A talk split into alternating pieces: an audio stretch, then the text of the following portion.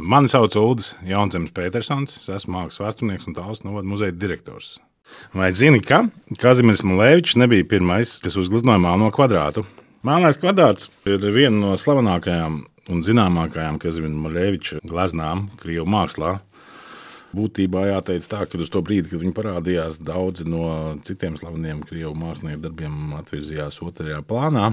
Šis darbs tiek apspriests joprojām. Nu, jā, viņi laikam ir daudz interesantāk, varbūt apspriest pat nekā Monas Līzes smaidu.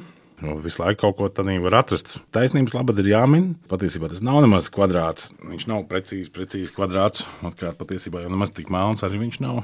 Tas ir noskaidrots un ir zināms, ka viņš viņu ir uzgleznojis pa virsmu pavisam diviem citiem darbiem. Tur tātad, tas audeklis pārgleznots bijis vairākas reizes.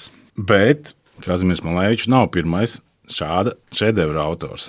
Izrādījās, ka ilgi jau pirms tam, 1617. gadā, kāds Roberts Flats, ko gan ir grūti nosaukt par mākslinieku, bija uzgleznojis melnu gleznu un lepni nosaucis to par lielo tumsu.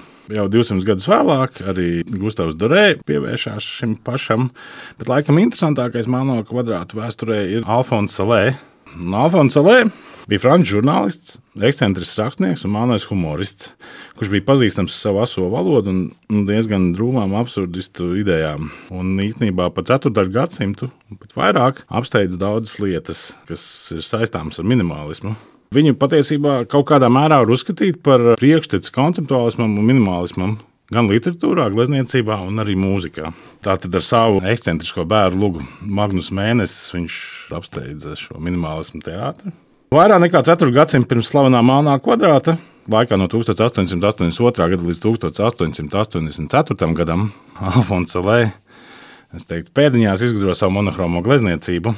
Tas pirmais saucās Melnais gandrīz kvadrāts, bet uh, viņš formāli šo darbu atdod vai piekāpjas savam laikbiedram, draugam, rakstniekam, humoristam Polam Bio.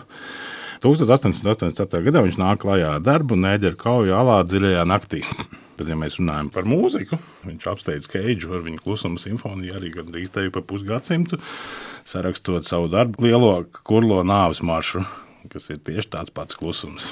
Jā, kopumā Lēja bija ekstravagants rakstnieks, mākslinieks un neordinārs cilvēks, un to starp ekscentrisks filozofs. Viņam it nekas nebija dzīves, nu, nekas nebija centrs. Tātad viss varēja būt viņam viss, bet tad atgriežoties pie Kazimira Malēviča vai Malēviča melnais kvadrāts ir plaģiāts vai nē, tomēr jāatzīst, ka nē.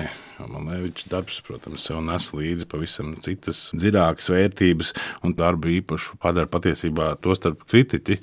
Jo tā, kad notika šī futūristiskā izstāde, Melnais kvadrāts karājās pašā redzamākā vietā, tā sauktajā sarkanā stūrī, kur pēc pareizticīgo tradīcijas parasti karājās ikonas. Protams, izstādes atklāšana bija ieradušies arī kritiķi, mākslinieki. Nu, un, protams, kad viņiem vajadzēja kaut ko pateikt, jo šampānietis ir jāatstrādā viens no tā laika lielākajiem krievu mākslas kritiķiem, Aleksandrs Benoā. Pavisam it kā klusi nonordēja, neticam, tas arī ir tas ikona, ko futūristi noliek Madonas vietā. Acīm redzot, apkārtēji nepārāk sapratu šo smalko sarkasmu par šo darbu. Un, jā, viņš tiešām melnēs kvadrāts kļuva par tādu kā flagmani vai pat, man liekas, gadījumā par manifestu tātad futūrismam un supremātismam.